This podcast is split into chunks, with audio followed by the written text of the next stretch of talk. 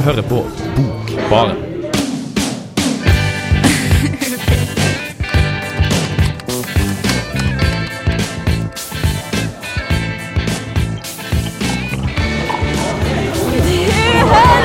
Bokbarn!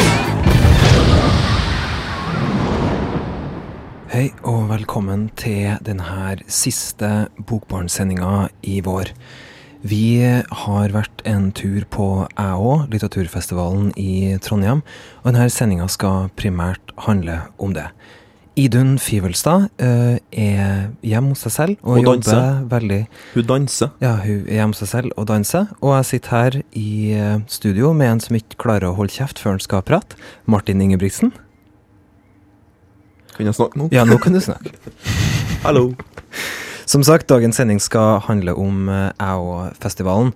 Eh, og hvis du ikke fikk med den, så kan du i hvert fall få et innblikk i hva som foregikk her hos oss.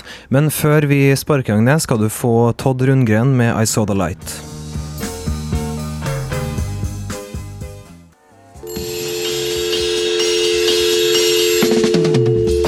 Bokbarn. Bokbarn.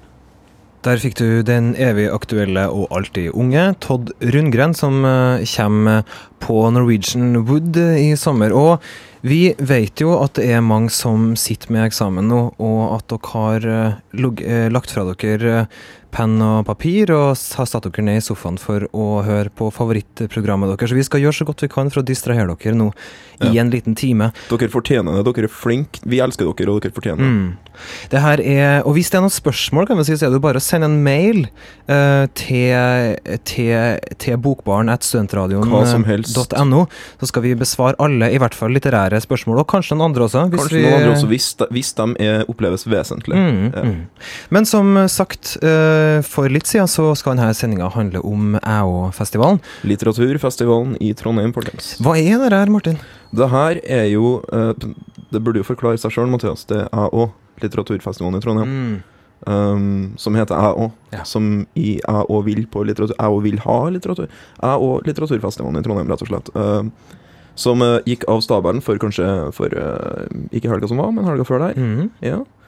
Og som er et briljant foretak satt i gang av eh, vakre og geniale mennesker som ønsker at eh, litteraturmiljøet i Trondheim skal blomstre like flott som det gjør andre steder i landet. Vi skal jo ikke skryte på oss at Trondheim er en overdrevet aktivt by, eh, sånn litterært Nei, sett. og det er derfor jeg er så glad for sånn, sånn som jeg òg. Mm. Ja. Det her er jo en festival som avholdes annethvert år. Annethvert år. Og som eh, og, eh, Sånn at hvis du gikk glipp av det nå, så må du faktisk vente eh, to år Ja. før du får oppleve det igjen. Og Men den da bør, du, da bør du få det med deg, for da er det fire år til neste gang. Mm. Den pleier jo å, den pleier jo å ha fokus på, på, på skandinavisk eh, litteratur, gjerne lyrikk. uh, Yes. Ny uh, som sådan, og altså et sånn muntlig på en måte preg. da De er veldig Mm. interessert i fremføring. Ja, I år var jo en del av tematikken lyrisk prosa, så det var jo veldig mange fine forfattere innenfor det innom. Inger Johansen, for eksempel, var vel- veldig, veldig fint. Mm. Ingrid Storholmen var der. Det er også besø ja, hun eh, skal vi ha, har vi et intervju Ja, med litt senere, eh, litt senere i sendinga. Men, vi- men vi hadde også eh, ganske fascina- fas, Hva heter det? Fasjonabelt. Fasjonabelt. Jeg har eh, sittet med sånn eksamenstunge Oh, Ja, ja. Eh, besøk fra Danmark. Ja, Mette Mostrup Mm. var der eh, både med sin uh, siste diktsamling, som het uh, Hva var den het? Kingsize. Kingsize Ja, heter den. Og med nettprosjektet uh, Hva var det det het? Anonymt kollektivt. Anonymt, Det kan Mm. dere sjekke ut på nett. Bare søk kollektivt anonymt på eh, Bare google den og, og se, ta en titt på det. Veldig, veldig kul greie. Det her er øh, øh, jeg, altså, øh, jeg fikk ikke vært med på så mye av festivalen som jeg hadde ønska. Nei, du satt jo og skrev Jeg eksamen. satt og skrev eksamen. Jeg, da hadde jeg det, men, eh, men det jeg fikk med meg, det var, det var, det var åpninga. Mhm. Og hvor det var da fire debutanter yeah. som, eh, hadde, som skulle lese dem. Jeg var valgt da, eh, av, eh, av, av Arild Vange og Marte Huke. Ja, og resten av gjengen. Ja. Si, eh, som, eh, som, som debutanter de syns hadde utmerka seg. Mm. Og vi skal komme tilbake til en som jeg liker spesielt eh, godt, eh, som heter Nødtvett. eh, etterpå, men først så skal vi eh, høre favorittlåta til en eh, Jan Åge Fjørtoft, Roxy Music med In Every, In Every Dream Home A Heartache. Bokbarn. Bokbarn. Bokbarn. Bokbarn. Bokbarn.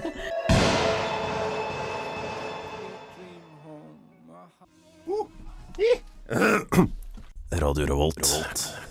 Der fikk du som sagt eh, favorittlåta til Jan Åge Fjørtoft, uh, Roxy Music med In Every Dream Home A Heartache. Men vi Hvert drømmehjem, drømmeheim, en hjertesorg. Ja, i dag så er det jo siste sending før eh, sommeren, Ja. og, vi, eh, og jeg har eh, tatt ut litt sanger som jeg har hatt lyst til å spille sånn gjennom året, men kanskje har tenkt at det ikke passa helt. Ja, fordi de er favorittsangene til Jan Åge Fjørtoft. og- Ja, og sånn. det er typisk sånn her, vet du. Så Sånn kan det fort gå. Men du, Mathias. Eh, jeg sitter her med ei veldig merkelig bok mellom hendene. Uh, Den, som du eh, vet mer om enn meg. den merkeligste som kom ut i fjor, vil jeg si. Ja, og den er jo kjemperar. Uh, den heter Harudes, og det høres, jo, høres ut som noe man sier til noen. Mm. Eh, Hei, Kjetil. Harudes. Mm. Eh, hva betyr Harudes? Hva er det her for noe? Jeg tror uh, Harudes spiller på Hordaland, oh, ja. eh, så vidt jeg vet. Uh, det her er da Erlend O. Nødtvedt sin, eh, sin debutdiktsamling, eh, Harudes. Mm. Og det er et veldig lyrisk, langt, langt dikt eh, som handler om eh, altså hvordan, eh, hvordan Hordaland eh, går til helvete.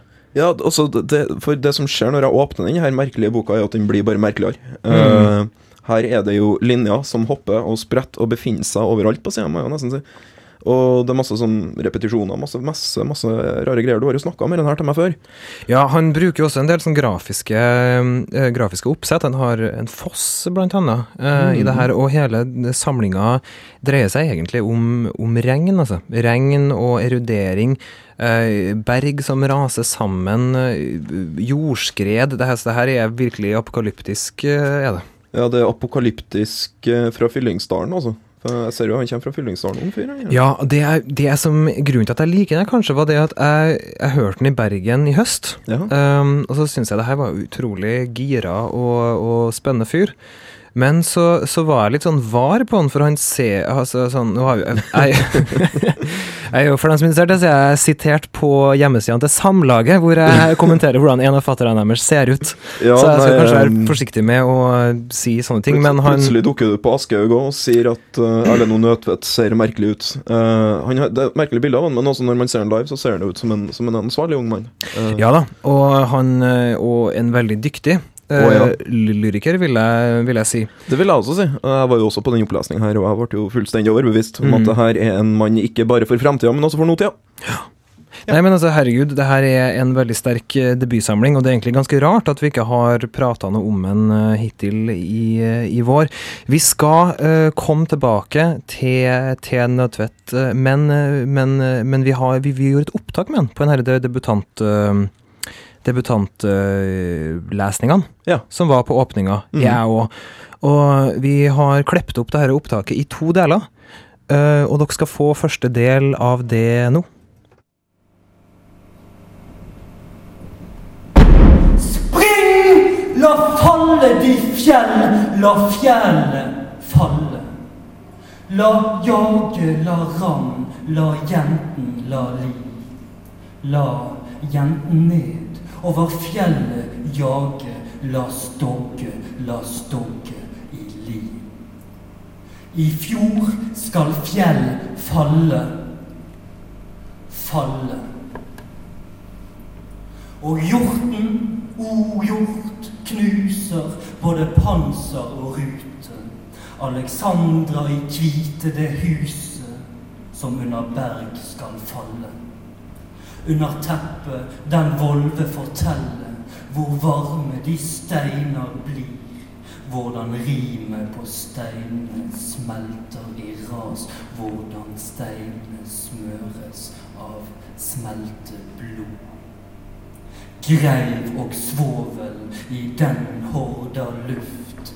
Røysrud aga, regn i li i sier hjort ved ras, gru og stein og hvelve. Hvelve. Der oppe. Vi har titt nok som barn under bergfallet leika. Tittet opp der de sier sprekken skal være. Og nedover korsryggen renner det faens regnet som regner.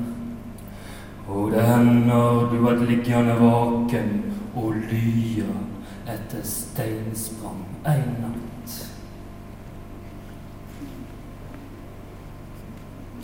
Og det regner og regner og regnet som renner. Og de hestene utenfor rennes, dyrene en siste gang ofres de dyr. Og regnet renner langs ryggen din under ullplagg grove vevd.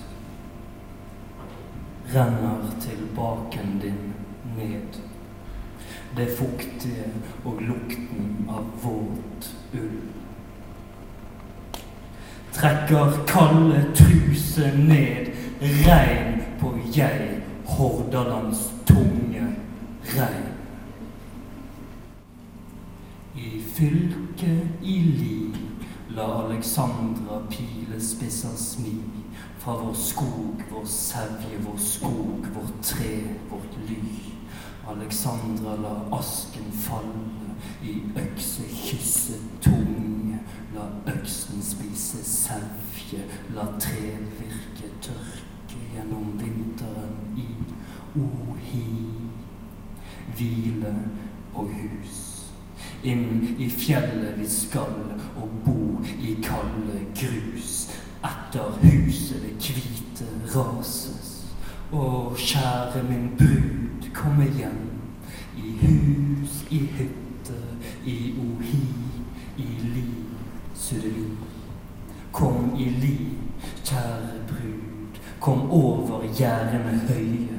La tårene til fjordbunn falle, la raset skje.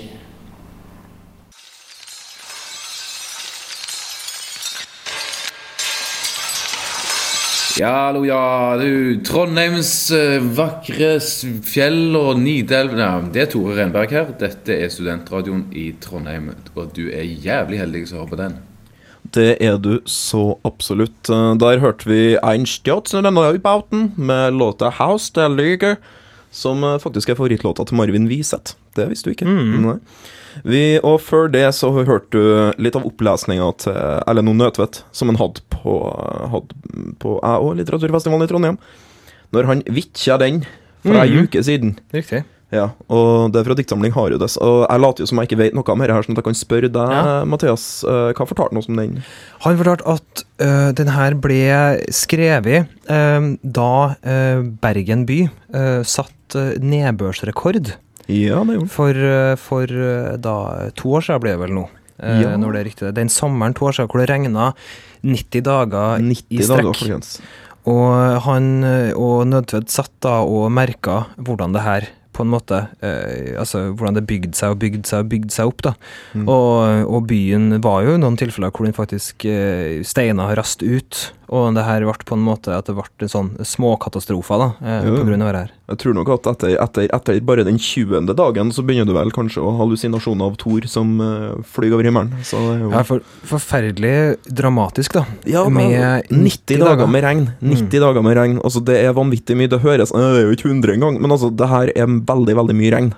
Og det var jo sånn på slutten av den rekorden at de begynte å håpe på at det skulle komme mer. Altså de på en måte satt Det var her ble i det de skulle sette en rekord, da.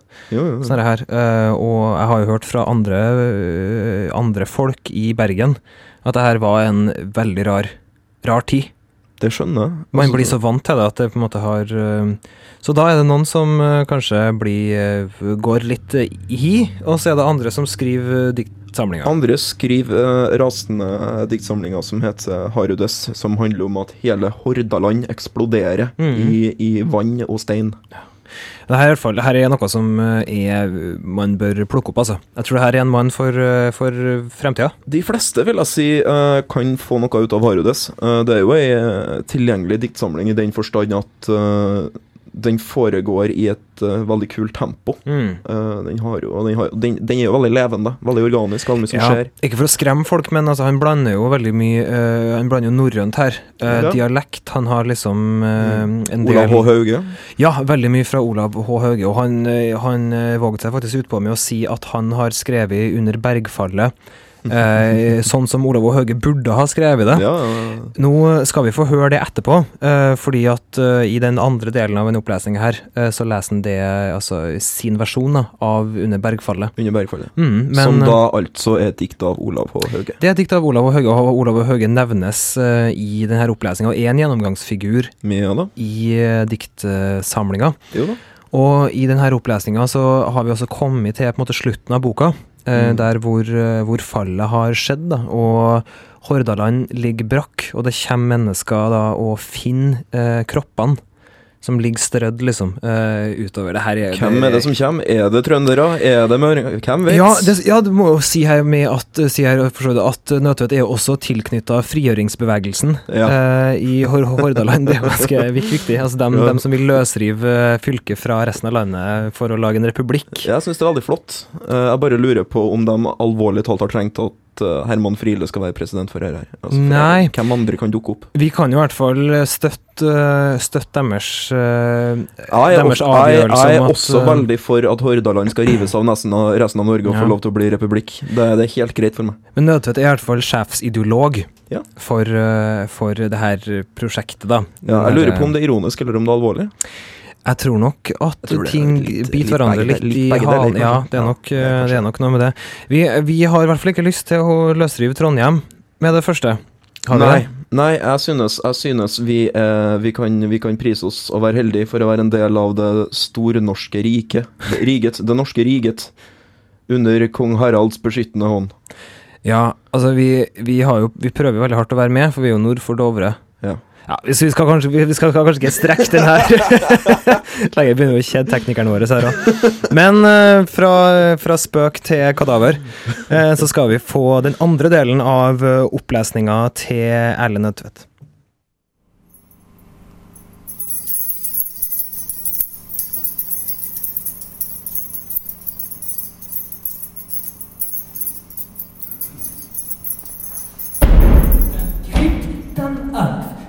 Elver, de juv, den Olav HH, den frykt, den frukt, de tveiter, de geir, de spyt. De harude angre. Så få, så få de krigse dimre toner over de trollhauger dager, drauger i forstad. Sylfe i de elver, de latterlige fester små, herfra stammer de sevje horder. Han har alde, de sæveryger, olde den ugle. Sjumannskrigse avmåler festne, sjumann den rinde grjote ras, hun Alexandra truser, de bunader bryst. Hennes far den gjort i sirkler, og de har rydda lalier, og hundre har rydda toner. Olav Nyga ser alt i fjellet. For flere har det fylket ritet, mange har det fylket sett. Jeg, den fjordtunge, skalder Hordaland her. Risser i fjell de haruda myter.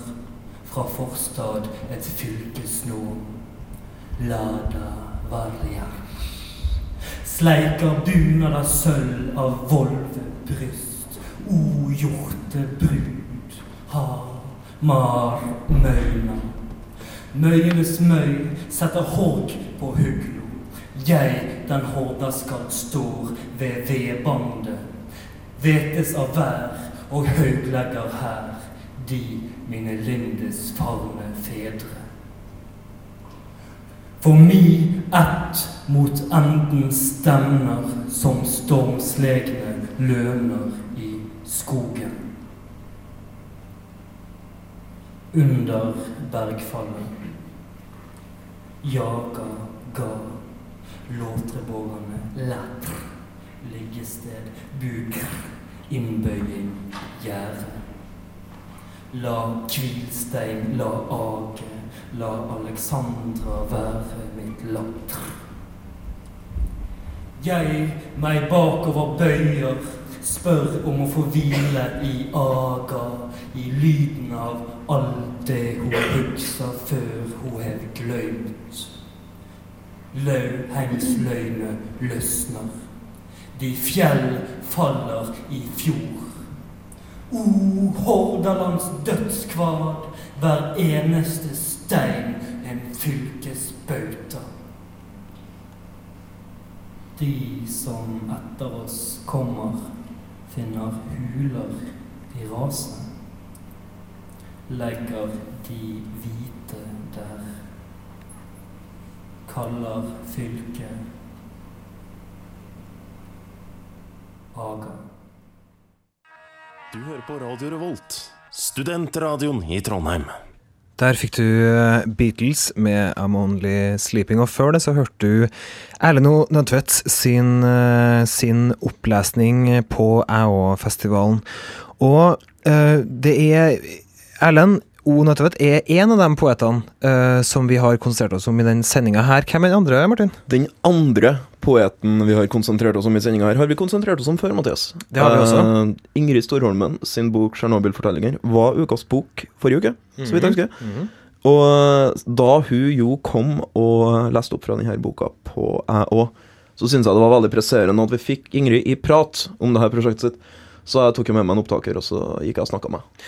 Men det er altså Hun, hun, har, hun har vært ren lyriker før, har hun ikke det? Hun har vært rein lyriker før, og nå kommer hun med eh, Tsjernobyl-fortellinger, som den heter. Fortellinger. Mhm. Eh, var veldig, veldig presis på å fortelle meg. Eh, og det har hun jo selvfølgelig helt rett i, for det her er prosa. Og Ingrid Man kan vel forvente at hun ikke skriver prosa som så veldig mange andre, Ja. eh, for hun er jo en veldig, veldig eh, Hva skal man si? Hva er det hun har gitt ut før, Martin? Hvordan vil du beskrive fatterskapet hennes så langt? Nei, skal vi ikke Krypskytterloven først. Mm. 2001, 2002 og noe sånt. Mm. Uh, var litt sånn korte prosadikt. Ja. Uh, veldig fine. Så kommer jo Skamtaren. Skamtaren Graceland, som jo sprengte det aller meste. Det var en ringperm med dikt som Mm. sto spredd over en hel side. Uh, veldig, veldig Ja, Man skal ikke si vanskelig tilgjengelig, det kan man ikke, men den så veldig spesiell Jeg tror vi ut. kaller og- det konkretpoetiske, noe av det. Ja, nei, det kan vi gjerne. Vi kan gjerne kalle det både språkmaterialisme og konkretpoesi, Mm. synes jeg. Uh, og spesielt når jeg kommer med Siri-boka uh, senere i forrige fjor. Ja. Ja. 2007. 2007, den er også veldig fin. Eh, Den handla om formødrene hennes, gjorde den ikke det? Ja, hun er jo veldig opptatt av det her, her med familie, og det er samme er hun når jeg skriver om Tsjernobyl-fortellinger, for Ingrid, som vi skal høre, er jo faktisk blitt litt personlig berørt av det her. I april 1986, da var jeg ti år, og det kom ei regnskur fra, med vind fra øst den morgenen. Og den var full av cesium 137, som er en ualminnelig giftig radioaktiv isotop. Jeg og søstrene mine var ute og leka når den regnskura kom. Da starta dette prosjektet. Begge søstrene mine har blitt syke måtte ha operert ut skjoldbruskkjertelen, som tar opp radioaktivt jod. Eh, jeg er ikke blitt syk ennå, men jeg dro til sonen rundt Tsjernobyl, den tre mil store sonen der ingen mennesker får oppholde seg. Jeg var så nære reaktor 4 som blåste i lufta at jeg kunne ha spytta på den, hvilket jeg også gjorde. Jeg skrev da den boka her i 2001, før den reisa. Når jeg kom tilbake derfra, så hadde jeg sett så mye fæle ting at jeg ikke kunne fortsette. Det er et eller annet med den fireåringen med leukemi i terminal fase på barnesykehuset i Minsk, som er så syk at han roper til mora si at slå heller i hjel meg, i stedet for å gi meg en sprøyte til. Det er ikke så lett å være den mora.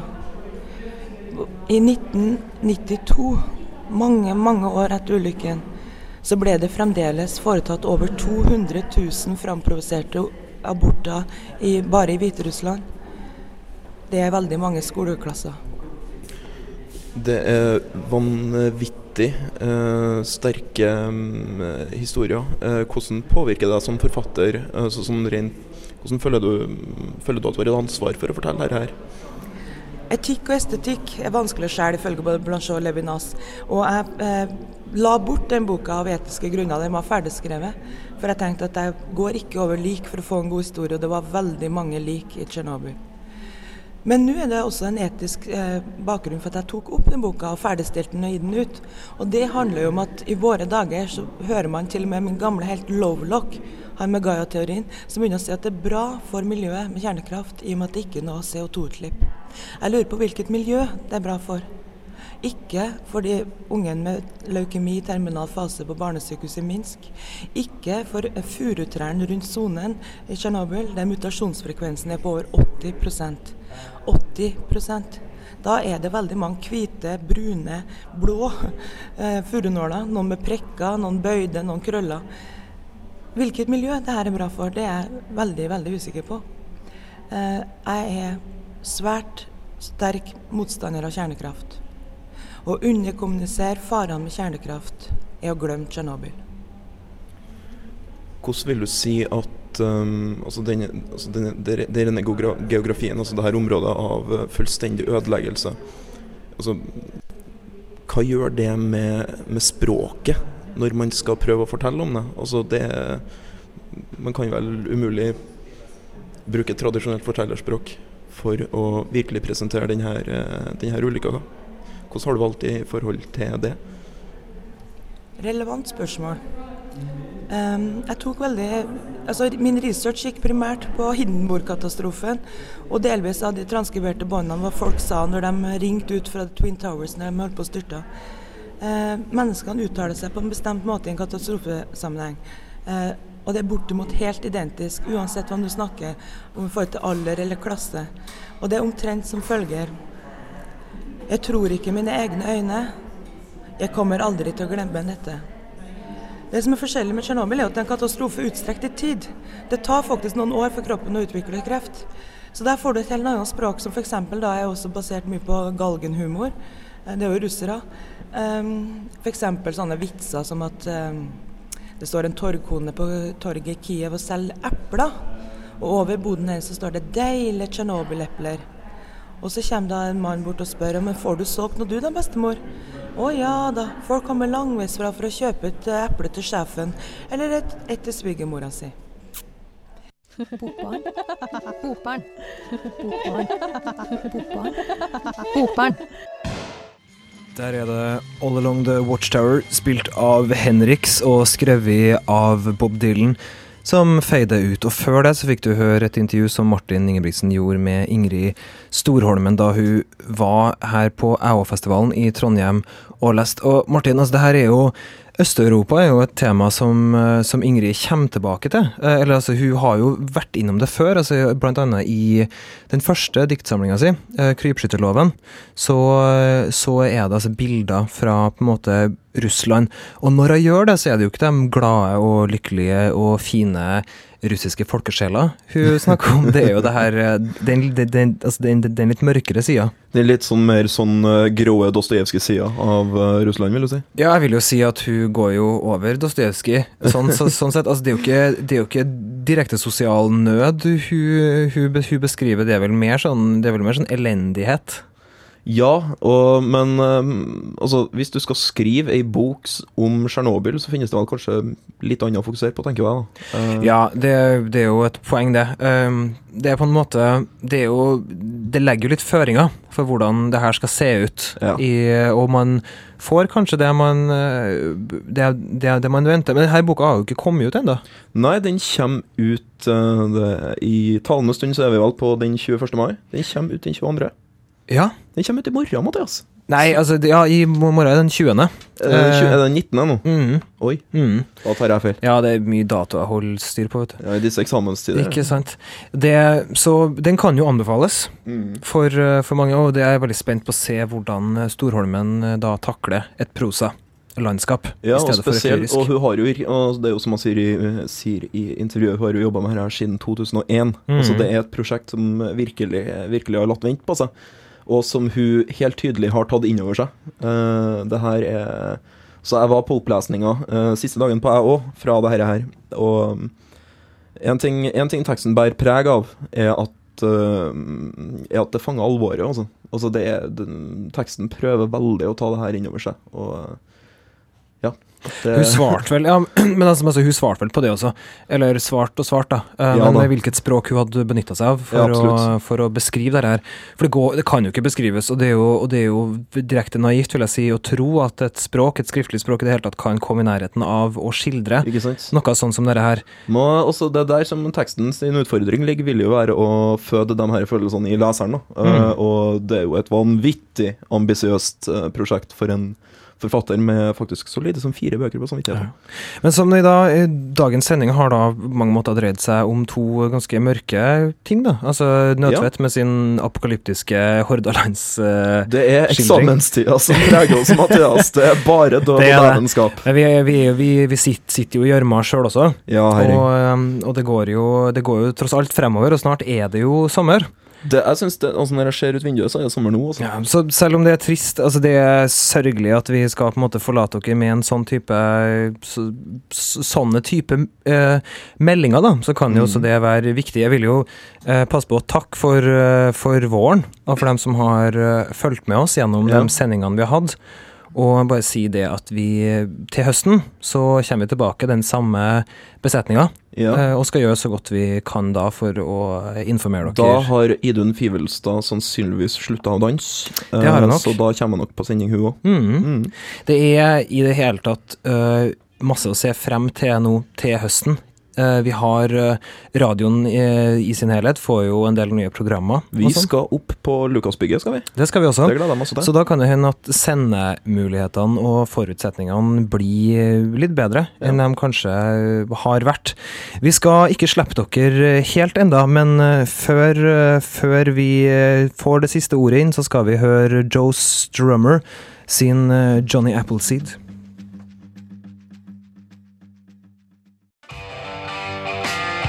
Radio Revolt. Ukas bok.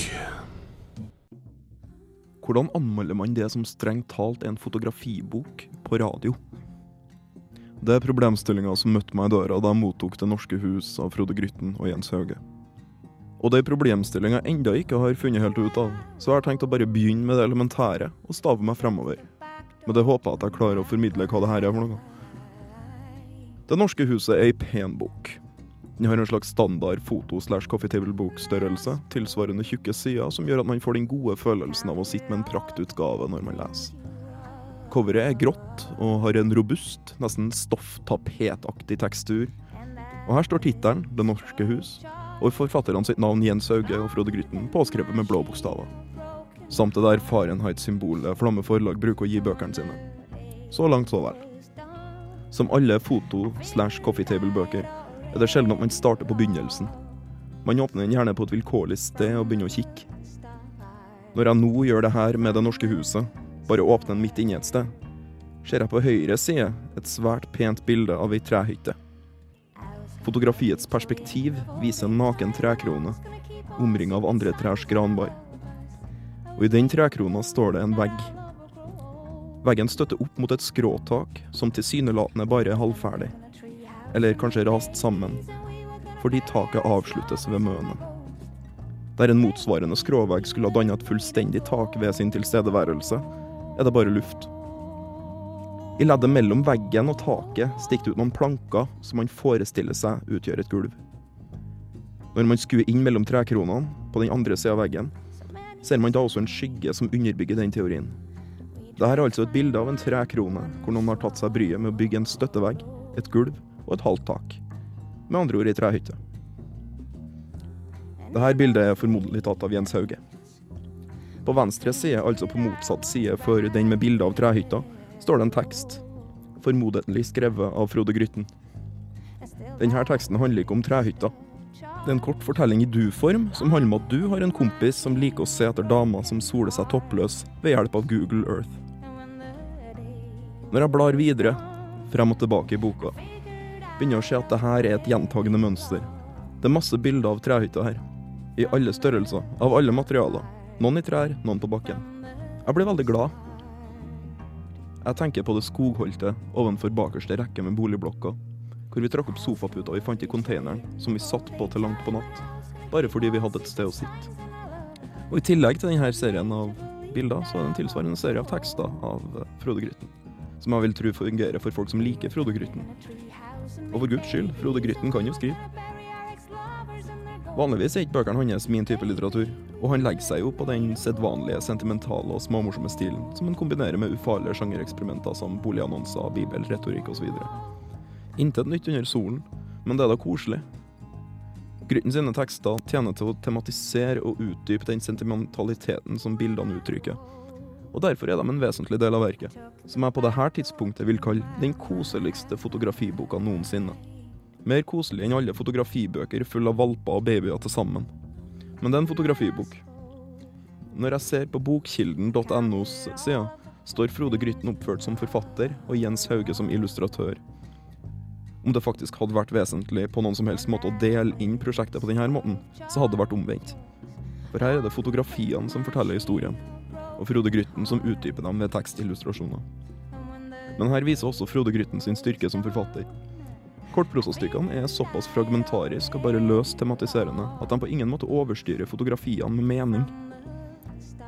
Som leser blir man i passe stor grad overlatt til seg sjøl, og det her er et must for det som jeg tolker at bokas prosjekt er. Nemlig å få leseren til å føle litt på hva et hjem faktisk er, i motsetning til et hus.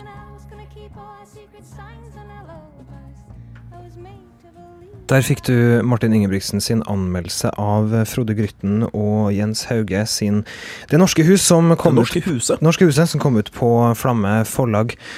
Du hører selvfølgelig på Bokbaren, og vi skal takke for oss i år. Vi takker for følget gjennom hele våren, og i sommer så skal vi, så skal vi få lagt ut Best of-sendinga, så det er ingen grunn til å ikke skru på radioen eh, neste tirsdag. I det hele tatt så ser vi frem til å, å, å høres igjen til høsten. Jeg gleder meg veldig. Og vi håper at dere vil få en like flott og behagelig sommer eh, som det vi har tenkt å gjøre. Dere leser masse bøker Mm. som vi kan, eh, som vi kan, eh, som vi kan an anmelde. Ja, hvis dere sender inn forslag, så tar vi dem, i. vet du. Det er vel det jeg prøver å si, at vi har en Facebook-gruppe, og hvis dere involverer dere der, så Ja. skal vi, så, så skal vi gi etter for press. Vi gir etter for press. Det I det hele tatt så oppfordrer vi til interaktivitet på alle mulige måter. Vi har så lyst til å snakke med dere. Gjennom alle mulige medier. Ja.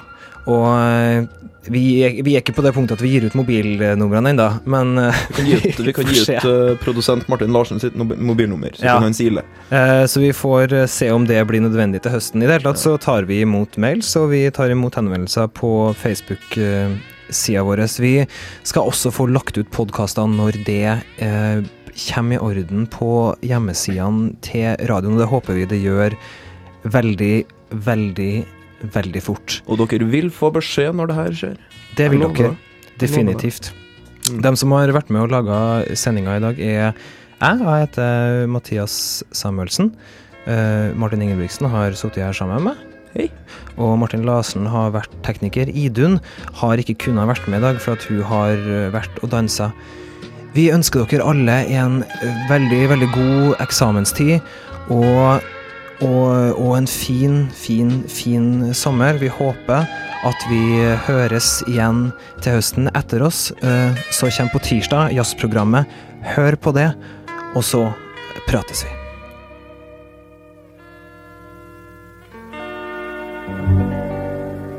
Bokbarn. Bokbarn. Bokbarn. Bokbarn. Bokbarn.